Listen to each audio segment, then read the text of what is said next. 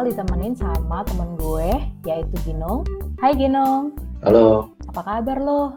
Alhamdulillah baik. Kalau lu sendiri gimana nih? Baik dong. Oh ya, BTW gue denger-denger lo nih kayak uh, tertarik gitu deh sama dunia investasi ya? Iya bener, lumayan lah tertarik. Nah, pas banget nih. Jadi di sini kita bakal berdiskusi bersama tentang investasi saham. Seperti yang lo tahu nih, kayaknya akhir-akhir ini jumlah investor saham tuh meningkat ya semenjak pandemi COVID-19. Mm-hmm. Hingga sekarang pun tuh bahkan uh, jadi tren gitu di generasi milenial dan generasi Z nih. Mungkin banyak nih dari teman-teman yang mau juga terjun di dunia saham, tapi masih bingung dan ragu. Nah, jadi hari ini gue dan Ginung bakal bahas bersama nih tentang saham 101 yang mengupas tuntas tentang saham itu sendiri. Oke, jadi nih sebenarnya pertanyaan basic nih. Sebenarnya apa sih itu saham, Nung? Jadi saham tuh kayak simpelnya tuh tanda ke kepemilikan kita atas suatu perusahaan gitu. Dan saham ini merupakan salah satu instrumen investasi yang paling populer lah di kalangan masyarakat gitu. Jadi kalau misalnya orang ngomong investasi pasti pikir oh investasi saham dan saham itu kata tadi kan menunjukkan tanda kepemilikan atas suatu perusahaan. Jadi kalau misalnya kita beli saham, otomatis kita punya saham dan sekaligus kita mempunyai perusahaan itu juga. Jadi kita jadi pemilik perusahaannya lah, bahasa kerennya. Wow, keren ya pemilik perusahaan nih. Nah, sebenarnya tuh untung dan rugi dari saham itu dari mana sih? Nah, kalau untungnya, kalau dari saham itu biasanya ada dua. Yang pertama tuh dividen. Dividen tuh intinya itu pembagian keuntungan perusahaan lah ke pemegang saham. Jadi kalau misalnya di tahun 2020 kemarin perusahaan A untungnya 100, 100 miliar. Nah, dari 100 miliar itu dibagi-bagikan ke pemegang saham ataupun uh, dipakai buat operasional perusahaan. Itu tergantung keputusan perusahaannya. Kalau dibagi-bagikan ke pemegang saham itu namanya dividen. Jadi pemegang saham itu berhak lah atas keuntungan dari perusahaan tersebut sesuai dengan proses kepemilikan sahamnya. Nah, yang kedua itu ada capital gain. Capital gain ini selisih antara harga beli dan harga jual. Jadi capital gain itu biasanya harga yang sekarang harga biasanya lebih tinggi daripada harga yang kita beli. Misalnya kita waktu itu beli saham A nih harganya 4000. Terus 6 bulan kemudian naik jadi 5000. Nah, itu kan selisih 1000 tuh 4000 ke 5000. Nah, selisihnya itu capital gain. Nah, kalau untuk ruginya sendiri uh, ada namanya capital loss. Jadi kalau misalnya kita beli saham nih, saham A di harga 4.000, terus tiba-tiba 6 bulan kemudian harganya jadi 3.000. Nah, selisih 1.000 itu minus 1.000. Itu namanya loss, kita jadi rugi 1.000 gitu. Oh, jadi bisa dapat dua untung ya dari dividen yeah. dan capital gain. Wow, yeah, betul. dong. Nah, jadi kalau misalnya nih gue kan pemula nih, terus gue mau belajar investasi saham. Sebenarnya tuh cara kerja saham tuh gimana sih kalau boleh tahu, Mon? Jadi simpelnya, misal perusahaan nih, dia membutuhkan tambahan modal buat operasionalnya. Dia tuh bisa melakukan dua hal. Yang pertama tuh ngutang sama bank gitu, atau menerbitkan surat utang, is obligasi. Terus yang kedua pilihannya dengan menjual saham, sebagian saham perusahaan kepada publik. Nah, proses ini, proses ini namanya IPO, penawaran saham perdana atau initial public offering. Jadi IPO ini adalah penawaran saham perdana kepada publik dengan menjual sebagian porsi saham itu ke publik. Dalam hal ini ke apa ke bursa efek lah gitu yang kayak baru-baru ini loh yang ada saham Bukalapak itu. Nah, mereka itu IPO. Mereka tuh apa kayak pengen menambah menambah modal lah gitu entah untuk operasional untuk ekspansi dengan menjual sebagian saham ke publik jadi cara kerjanya ya kita beli saham, kita jadi pemilik perusahaan itu dan kita berhak men, apa memperoleh dividen keuntungannya gitu. Itu salah satu manfaatnya juga. Nah, tadi kan lo singgung nih gimana cara uh, perusahaan menawarkan saham. Nah, kalau misalnya gue mau beli saham nih, gue tuh bisa nggak sih beli saham tuh secara langsung dan gue tuh kalau nggak bisa tuh gue harus beli ke mana? Nah kalau mau cara beli sahamnya sendiri tuh kita tuh nggak bisa langsung ke perusahaannya gitu. Jadi uh, kalau mau beli saham tuh biasanya melalui sekuritas. Nah sekuritas ini kayak perusahaan lagi tuh perusahaan perantara antara investor which is kita gitu dengan perusahaan yang yang menjual sahamnya secara publik gitu. Nah jadi cara beli sahamnya adalah kita pilih nih perusahaan sekuritas yang cocok bagi kita apakah itu fee-nya, fee transaksi jual beli ataupun minimal depositnya dan lain sebagainya. Selain itu juga kalau udah dapet kita lalu membuat akun nih kayak kayak bikin akun bank gitu loh, tapi bikin di sekuritas gitu. Nah, lalu ikutin prosedur yang ada gitu. Setelah itu kita kalau udah jadi nih dapat mentransfer sejumlah uang ke akun sekuritas kita, kayak misal kita transfer atau isi GoPay atau isi akun bank gitu. Nah, kalau udah udah transfer udah bisa udah ada duitnya jadi kita bisa beli saham nih dengan sejumlah uang yang ada dalam akun sekuritas gitu. Jadi nggak bisa langsung. Kayak kita tuh harus beli itu melalui sekuritas dulu. Nah nanti sekuritasnya memproses transaksi terus jadi deh kita punya saham gitu kira-kira. Peran sekuritas tuh sangat berperan penting ya buat ketika kita mau membeli saham gitu karena kita nggak bisa cara langsung nih beli saham tiba-tiba eh gue mau beli sahamnya BCA nih gitu bener banget jadi sekuritas tuh tanpa sekuritas kita nggak bisa beli saham jadi mereka tuh kayak perantara dan mereka tuh penting banget gitu nah berarti noted banget nih berarti krusial nih yes. sekuritas gitu. oke okay.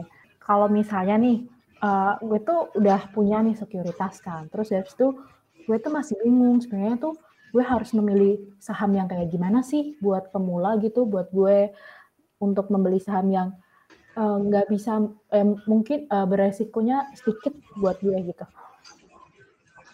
Nah jadi kalau ngomong-ngomong soal risiko tuh biasanya kalau saham itu risikonya uh, cukup tinggi lah dibandingkan instrumen investasi yang lain seperti misalnya reksadana pasar uang ataupun reksadana obligasi atau obligasi gitu kan. Nah, tapi kita bisa nih kayak meminimalisasi risikonya. Nah, kita tuh kalau mau beli saham saham apalagi saham pertama. Jadi saham pertama tuh kayak benchmark lah bagi kita untuk keputusan investasi selanjutnya. Karena ada nih beberapa investor yang dia udah udah bikin aku sekuritas, udah bisa beli saham, terus dia beli saham tapi salah, salah saham itu ruginya banyak.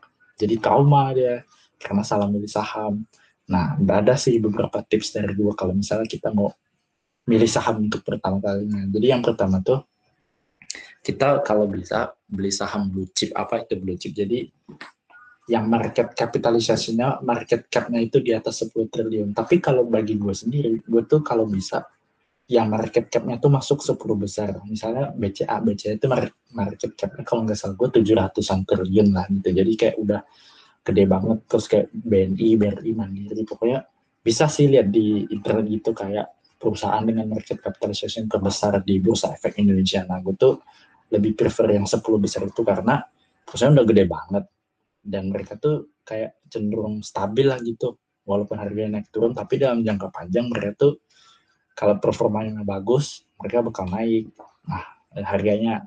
Terus yang kedua tuh dia punya bisnis model yang solid dan prospektif. Jadi kalau lima tahun, 10 tahun ke depan, apakah perusahaan ini masih bisa masih bisa beroperasi gitu dan apakah solid gitu bisnisnya dan apakah konsisten dalam mencetak laba. Terus selanjutnya manajemen yang kredibel dan berintegritas tinggi. Jadi saya perusahaannya bagus, terus kayak gede, tapi ada nih manajemen itu kayak bermasalah gitu, kayak ada ada apa ada jejak digital atau jejak apalah yang kurang bagus kena kasus lah kena makanya kita kalau bisa tuh pilih perusahaan dia manajemennya tuh yang kredibel dan integritasnya tinggi.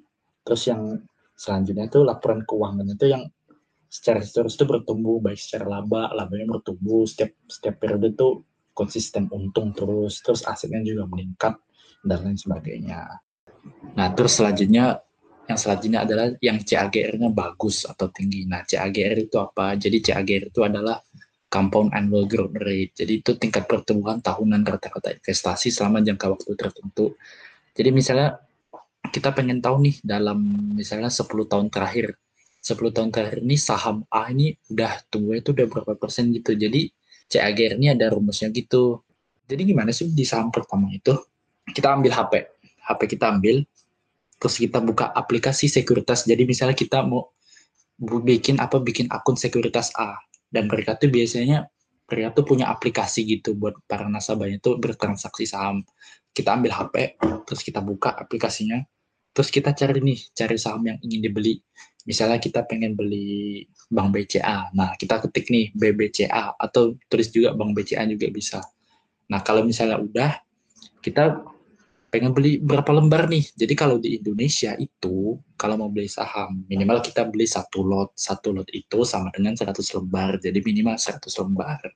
Kita mau beli berapa nih? Misalnya kita uangnya ya nggak banyak lah. Kita pengen beli Bank BCA, kita pengen beli satu lot aja, beli minimal, beli 100 lembar.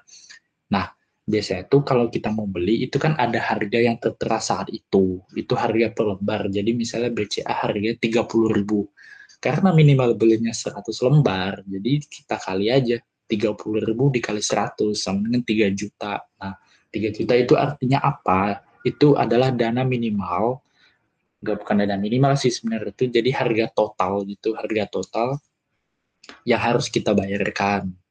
Tapi selain selain kita bayar buat beli saham itu, ingat ada ada transaction fee. Jadi tergantung sekuritas sebenarnya se, apa tergantung sekuritas gitu. Jadi misalnya sekuritas ini transaksi belinya 0,15% dari total transaksi. Jadi ya 0,15% dikali 3 juta tadi. Ada juga yang 0,19, ada juga yang 0,15%. Itu tergantung sekuritasnya juga. Dan itu bisa jadi salah satu tips kita kalau memilih sekuritas itu kita biasanya kan pengen yang bayarnya dikit ya gitu. Jadi kalau bisa kita cari nih uh, sekuritas yang transaksi fee-nya persennya tuh lebih sedikit lah, misal di antara 0,15 dengan 0,20 pilih yang 0,15. Tapi tergantung lagi sih. Kalau misalnya ada faktor lain yang lebih membuat apa sekuritas itu lebih bagus bagi kita, lebih cocok bagi kita, tapi transaksi fee-nya agak tinggi 0,20 persen, Nah, bisa aja sih kita pilih 0,20% itu. Jadi kayak banyak faktornya gitu. Nah, terus kalau misalnya kita udah udah tahu nih berapa hari yang harus dibayarkan dan udah tahu juga saham apa yang mau dibeli ya udah kita tinggal beli gitu. Nah, selamat kita udah jadi pemilik saham eh pemilik perusahaan tersebut kita jadi apa jadi pemilik BCA, kita udah punya saham BCA. Tapi kalau misalnya udah beli saham sekali jangan di stop. Jadikan kebiasaan buat nabung saham dan kita bangun kebiasaan buat apa? Buat nabung rutin lah per bulan. Apakah itu di saham atau ataukah di mana gitu di saham nggak boleh. Bisa di saham yang sama misalnya nanti bulan depan mau beli saham BCA lagi nggak apa-apa. Atau juga bisa beli saham yang lain gitu. Gitu sih kira-kira kalau tips dari gua. Oke, jadi kayak kebiasaan gitu ya, jangan cuma sekali terus udah selesai gitu aja berhenti di situ, tapi kita harus bisa uh, biasain buat rutin nabung saham gitu ya. Iya benar, konsisten nah, bahasanya. Ya mungkin buat teman-teman yang kalau merasa oh BCA nih masih agak mahal nih karena harus satu lot harus ngeluarin sekitar 3 juta, mungkin bisa mencari uh, jenis-jenis saham yang lebih rendah gitu kali ya, mungkin BRI atau BNI gitu ya. Iya benar, itu BRI dengan BNI kan juga masuk 10 besar. Kalau BRI itu setahu gue tuh 3.900, 3.800. Jadi kalau misalnya mau beli 100 lembar minimal ya tinggal keluar uang 380, 390 ribu. Tuh. Jadi pokoknya dalam range seratusan ribu, nggak perlu yang juta-juta. Ya, berarti mungkin kalau buat pemula yang masih uh, punya modal sedikit nih, bisa belajar untuk mulai nabung saham yang kecil-kecil dulu, tapi dengan konsisten ya. Ya, benar. Dan tentunya perusahaannya juga yang bagus. Iya dong, jangan sampai jadi saham gorengan dong. Iya, bener banget tuh. nah, selain itu nih, uh, ada juga nih yang uh, gue sering dengar nih, trading saham.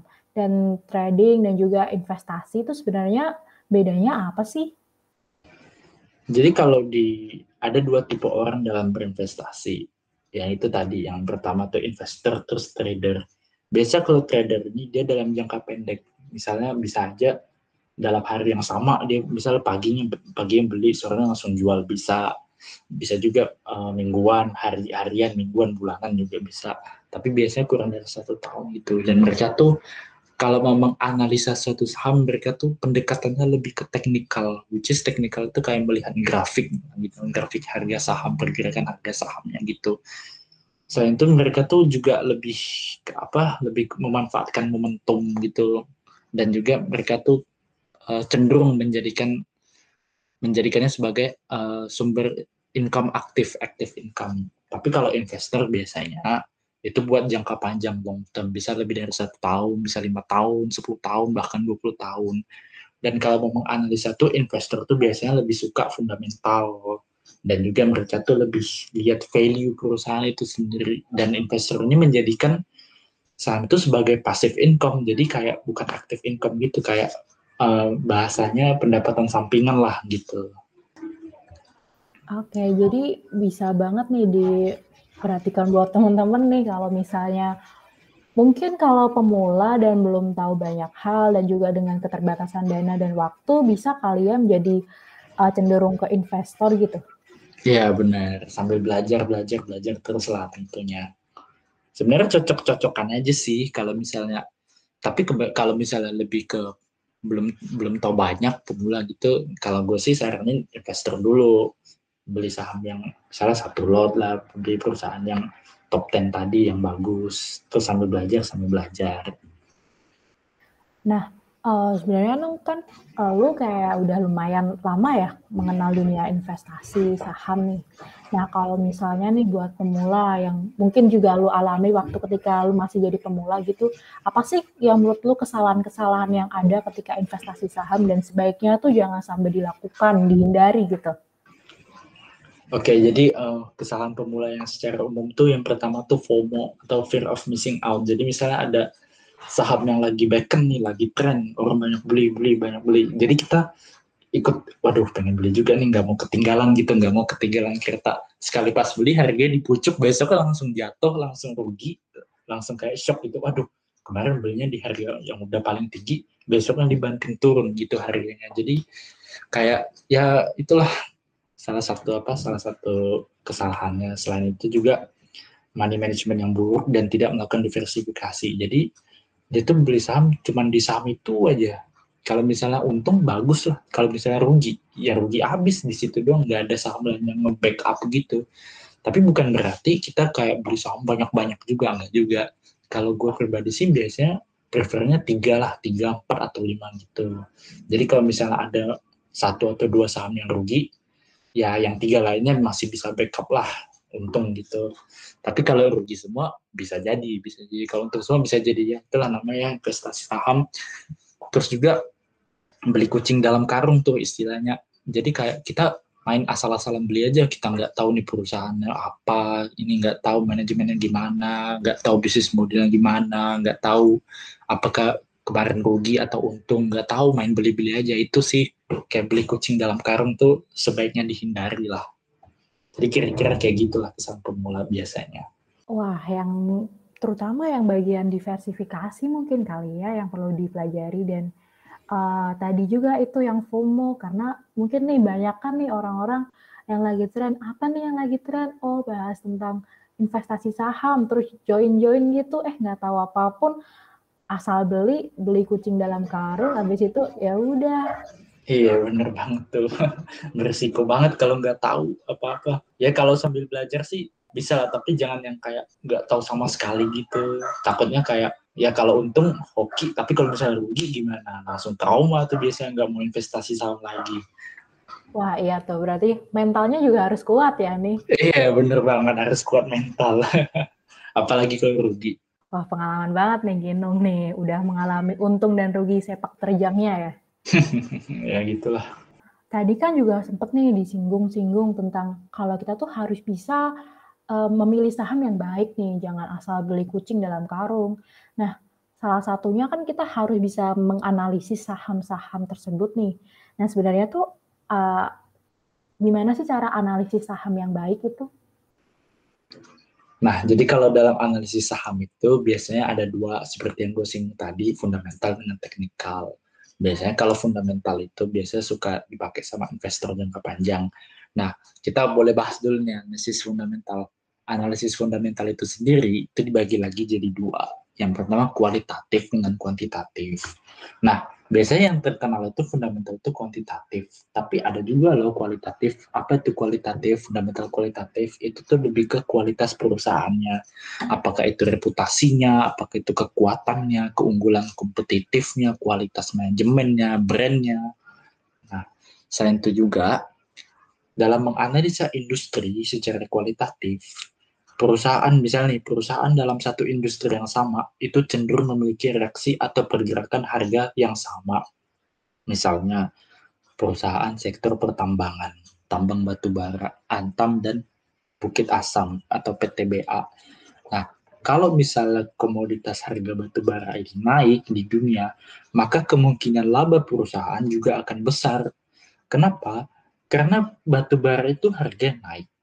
Mereka nambang batu bara, mereka jual dengan harga yang tinggi.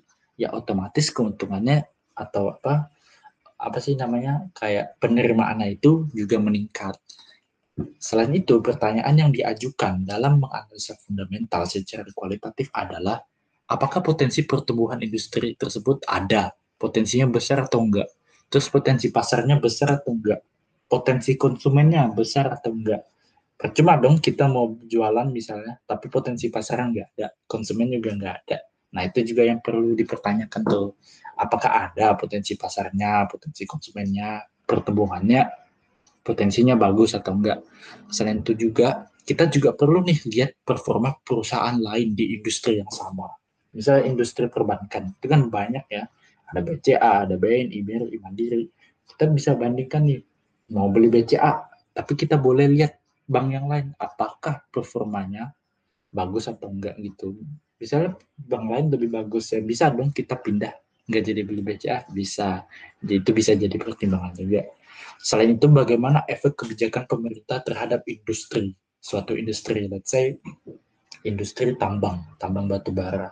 Misal pemerintah mau mengurangi batu bara buat pakai energi yang lebih hijau lebih bersih nah otomatis permintaan batu bara bakal berkurang dong yang berakibatkan kepada turunnya apa turunnya penerimaan perusahaan tersebut karena yang beli batu bara jadi dikit pemerintah juga nggak mau pakai banyak-banyak gitu. Nah selain itu juga dalam menganalisa perusahaan secara kualitatif ada satu metode namanya Porter's Five Forces. Nah Porter's Five Forces ini ada lima faktor yang perlu dipertimbangkan. Yang pertama persaingan antar usaha. Semakin ketat persaingannya maka semakin kompetitif dan biasanya itu menurunkan potensi keuntungan. Kenapa? Karena perusahaan itu berusaha untuk menjual produk di harga yang murah. Mereka tuh kayak uh, price war gitu. Yang perusahaan A dia perusahaan B jual harga lebih murah. Terus dia berusaha menurunkan harga. Ujungnya turun, turun, turun, harga lebih murah. Jadi profit margin itu lebih sedikit. Yang berakibatkan kepada keuntungan yang diterima makin dikit. Selain itu yang kedua, itu barriers to entry. Kalau pesaing susah masuk dalam suatu industri, maka kekuatan perusahaan itu akan semakin kuat let's say uh, telekomunikasi deh. Telekomunikasi itu kan susah ya untuk masuk banyak modal yang diperlukan sewa tower, teknisi dan lain semacamnya. Terus yang ketiga itu seberapa mudah barang yang dijual itu disubstitusikan. Semakin mudah barang itu digantikan, maka semakin sulit juga perusahaan mencetak laba. Misalnya balik lagi ke telekomunikasi.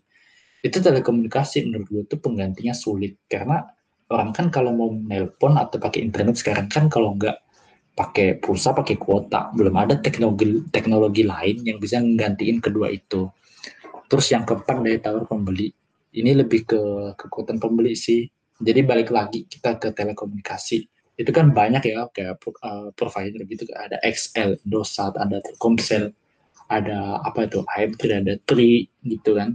Kalau misalnya provider A nih harganya mahal mau beli kuota ya konsumen tinggal lari aja ke perusahaan yang lain. Beli barangnya lebih murah. Dalam hal ini kekuatan pembeli itu gede banget gitu. Jadi kalau misalnya kekuatan pembeli itu gede perusahaan tuh kayak cenderung harus melakukan hal yang lebih lah supaya bisa unggul di industrinya. Selain itu juga ada daya tawar supplier. Nah ini lebih ke kekuatan supplier sih dan jarang lah orang pertimbangkan gitu. Kalau di telekomunikasi misalnya itu tergantung dengan providernya sih. Kalau kualitatif ya, secara kualitatif ya lagi itulah kira-kira kita bisa pakai analisa Porter's Five Forces, terus kita juga bisa mempertanyakan nih potensinya ada nggak potensi tumbuh, potensi pasar, dan potensi konsumennya, terus performa perusahaan lain, terus kebijakan pemerintah, dan juga kita bisa apa ya harus tahu lah cari tahu ini reputasi perusahaan yang mau kita beli bagus nggak kualitas manajemennya, brandnya, dan keunggulannya, dan lain sebagainya. Kalau secara kualitatif ya itu ya. Wow, cukup komprehensif ya.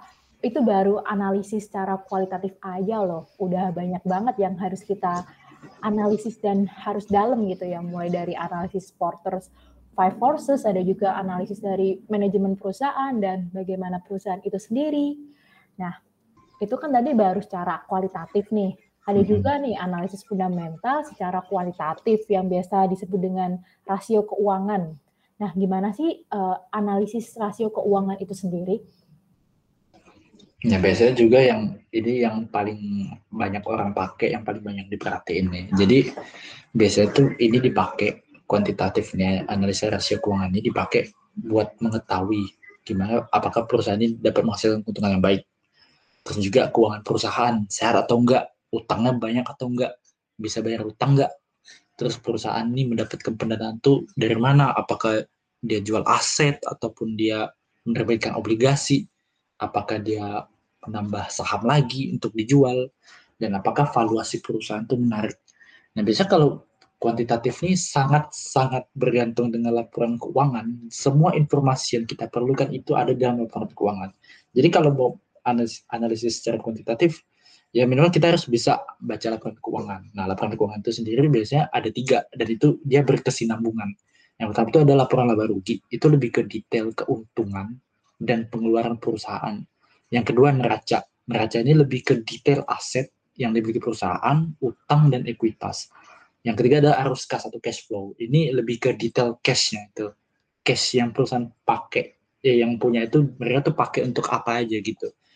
Nah bisa rasio keuangan yang dapat digunakan bagi kita nih untuk kayak analisis apakah perusahaan ini layak dibeli atau enggak, cocok bagi kita atau enggak. Nah, biasanya yang pertama itu ada rasio profit, profitabilitas. Nah, itu lebih ke um, pengen tahu nih perusahaan mana sih yang memiliki tingkat keuntungan yang baik. Kalau rasio profitabilitas itu sendiri ada tiga yang bisa kita uh, analisis. Yang pertama profit margin. Profit margin itu uh, kita bisa mengetahui dengan kita cari tahu nih laba bersih perusahaan itu berapa. Terus kita juga harus cari tahu total penjualan perusahaan ini berapa kita udah tahu laba bersih, kita udah tahu total penjualan. Nah, gimana kita cari cari cari tahu profit margin? Laba bersih dibagi dengan total penjualan. Itulah profit marginnya. Terus yang kedua, EPS atau earning per share. Ini laba bersih per lembar saham itu berapa? Kita kalau mau cari tahu, kita harus tahu laba bersih. Terus juga kita juga harus tahu lembar saham beredar. Nah, terus selanjutnya ada ROI. ROI ini return on equity. Jadi kalau mau mengetahui return on equity itu kita harus tahu laba bersih. Terus juga kita harus tahu total ekuitas perusahaan yang eh, total ekuitas yang dimiliki oleh perusahaan. Laba bersih dibagi total ekuitas yang dimiliki oleh perusahaan. Nah, itu tiga itu dipakai buat rasio profitabilitas. Terus yang salah satu yang sering diperhatikan juga adalah itu debt to equity ratio. Ini masuknya ke rasio solvabilitas. Rasio solvabilitas ini lebih ke kita pengen tahu nih perusahaan ini sehat atau enggak secara keuangan. Utangnya besar atau kecil. Mampu enggak perusahaan ini bayar utang. Nah biasanya banyak nih yang pakai debt to equity ratio. Itu total utang perusahaan. Terus kita bagi dengan total ekuitas tapi perlu diingat kalau mau beli saham perbankan itu kurang cocok ya gue rasa kalau pakai debt to equity ratio karena dana pihak ketiga setahu gue kalau di banking itu itu dihitungnya sebagai utang jadi kayak kurang cocok gitu. Tapi kalau yang selain banking kayak consumer goods dan tambang misalnya itu bisa lah bisa. Nah selain itu juga ada rasio valuasi nih. Valuasi itu lebih ke pengen tahu nih perusahaan ini mahal atau murah sih secara valuasi Selain itu juga ini rasio valuasi ini bisa dipakai untuk membandingkan dua perusahaan di industri yang sama. Biasanya yang paling paling banyak dipakai itu price earning ratio dengan PBV ratio. Price earning ratio ini pengen tahunya gimana? Harga saham, harus tahu harga saham berapa nih. Terus laba bersih per lembar saham atau EPS Nah, untuk mengetahui present ratio harga saham itu dibagi dengan EPS atau laba bersih per lembar saham. Semakin tinggi rasio ini, maka semakin mahal perusahaan. Terus ada juga PBV ratio, itu harga saham dibagi dengan nilai buku per lembar saham. dan sama juga kayak tadi semakin tinggi rasio ini maka semakin mahal perusahaan. Jadi dalam analisa fundamental kuantitatif itu yang sering dipakai itu tadi yang profitabilitas mencakup profit margin, earning per share, return on equity, solvabilitas itu lebih ke debt to equity ratio dengan kalau mau tahu valuasi itu lebih ke pakai price earning ratio dengan PBV ratio kira-kira gitu. Wow, jadi kalau ras rasio keuangan ini kita harus rajin-rajin membaca itu ya laporan keuangan dari perusahaan itu sendiri dan kita harus up to date dengan keadaan dari perusahaan itu ya. Iya, dan, benar Dan kita juga harus itu yang hitung bagaimana ROE atau EPS atau uh, PBV rasio dan sebagainya ya. Mm-hmm. Nah, tadi kan itu analisis secara fundamental nih yang bisa diketahui melalui kuantitatif dan juga kualitatif. Nah, tadi uh, sempat lo singgung juga kan, Nong, gimana kalau uh, trader itu biasanya lebih fokus ke analisis teknikal. Nah, sebenarnya analisis teknikal ini uh, gimana sih? Nah, analisis teknikal itu mungkin kita akan jelaskan secara singkat aja. Biasanya itu dipakai untuk memprediksi pergerakan harga saham dengan membaca grafik. Jadi dengan mereka tuh membaca grafik, menganalisis grafik, itu tuh dapat memberikan mereka sinyal apakah waktunya untuk jual, kapan waktunya untuk jual, kapan waktunya untuk beli biasanya paling sering dipakai itu candlestick. Itu sering dipakai para trader untuk menganalisis tren harga saham. Selain itu juga mereka juga memperhatikan uh, volume transaksi. Biasanya semakin besar jumlah saham yang diperdagangkan dalam periode tertentu itu maka saham itu semakin diminati oleh pasar. Jadi volume transaksi ini menunjukkan indikator minat pelaku pasar terhadap suatu saham dan seberapa liquid saham itu. Artinya kalau semakin dia liquid itu semakin cepat juga jual belinya. Jadi artinya itu saham itu aktif diperjualbelikan sehingga proses jual beli berlangsung relatif cepat. Kalau misal ini juga sih tips bagi kita kalau mau beli saham itu sahamnya itu kalau bisa kita beli dengan saham dengan volume transaksi yang tinggi. Kenapa? Kita bisa beli cepat langsung dapat. Jualnya juga cepat. Kalau misalnya liquidnya likuiditasnya rendah, kita mau beli susah karena volume transaksinya dikit. Terus kita mau jual juga susah. Jadi agak memakan waktu yang lama gitu. Nah selain candlestick dan volume transaksi itu juga tadi biasanya trader tuh biasanya tuh mereka memperhatikan garis trend garis harganya. Mereka tuh biasanya kayak melihat apakah saham ini sedang uptrend ataupun tren naik apakah dia downtrend atau trennya lagi turun harganya ataupun sideways trend dan sideways trend itu kayak lebih ke menyamping harganya kayak gitu di di level yang itu itu aja gitu. Selain garis trend mereka juga kayak memperhatikan uh, support and resistance gitu. Jadi kira-kira kalau teknikal tuh gitulah. Dan tergantung kita juga sih apakah kita trader atau investor. Jadi cocok-cocokan aja. Oke, kalau teknikal ini berarti bisa dibilang lebih advance ya daripada analisis uh, fundamental. Iya benar banget tuh. Karena kita juga harus bisa memprediksi, nggak cuma kita harus membaca dari laporan keuangan ataupun kinerja perusahaan yang sudah lalu-lalu, tapi kita bisa harus bisa memprediksi di ke depannya seperti apa.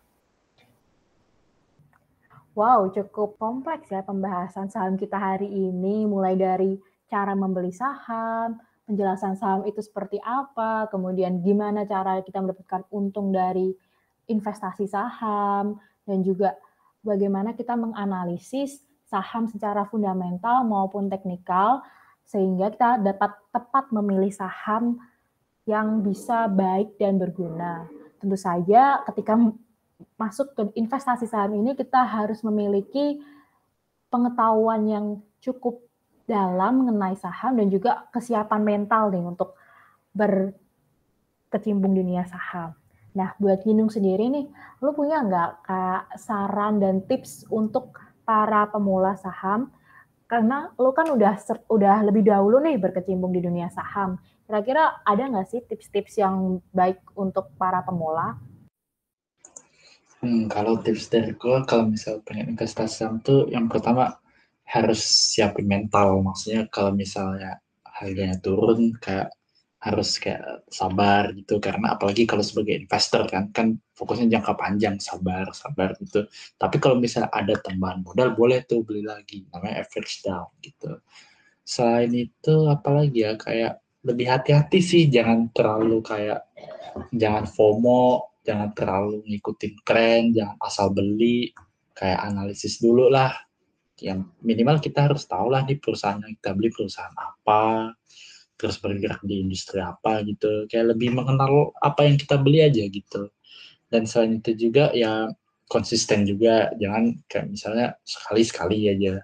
Ya bangunlah kebiasaan buat menabung saham itu. Karena percayalah kalau menabung saham itu manfaatnya buat jangka panjang itu pasti ada lah manfaatnya. Kira-kira gitu sih wah iya nih Bener banget, nabung saham itu penting dan juga bisa dibiasain nih seperti kalau zaman kita kecil dulu kita kan dibiasain untuk menabung dalam celengan. Nah, mungkin bisa nih kita oh sudah besar nih kita udah bisa memulai untuk menabung melalui investasi saham. Nah, cukup sekian nih untuk ngobat hari ini yang udah kita bahas lumayan dalam mengenai saham 101.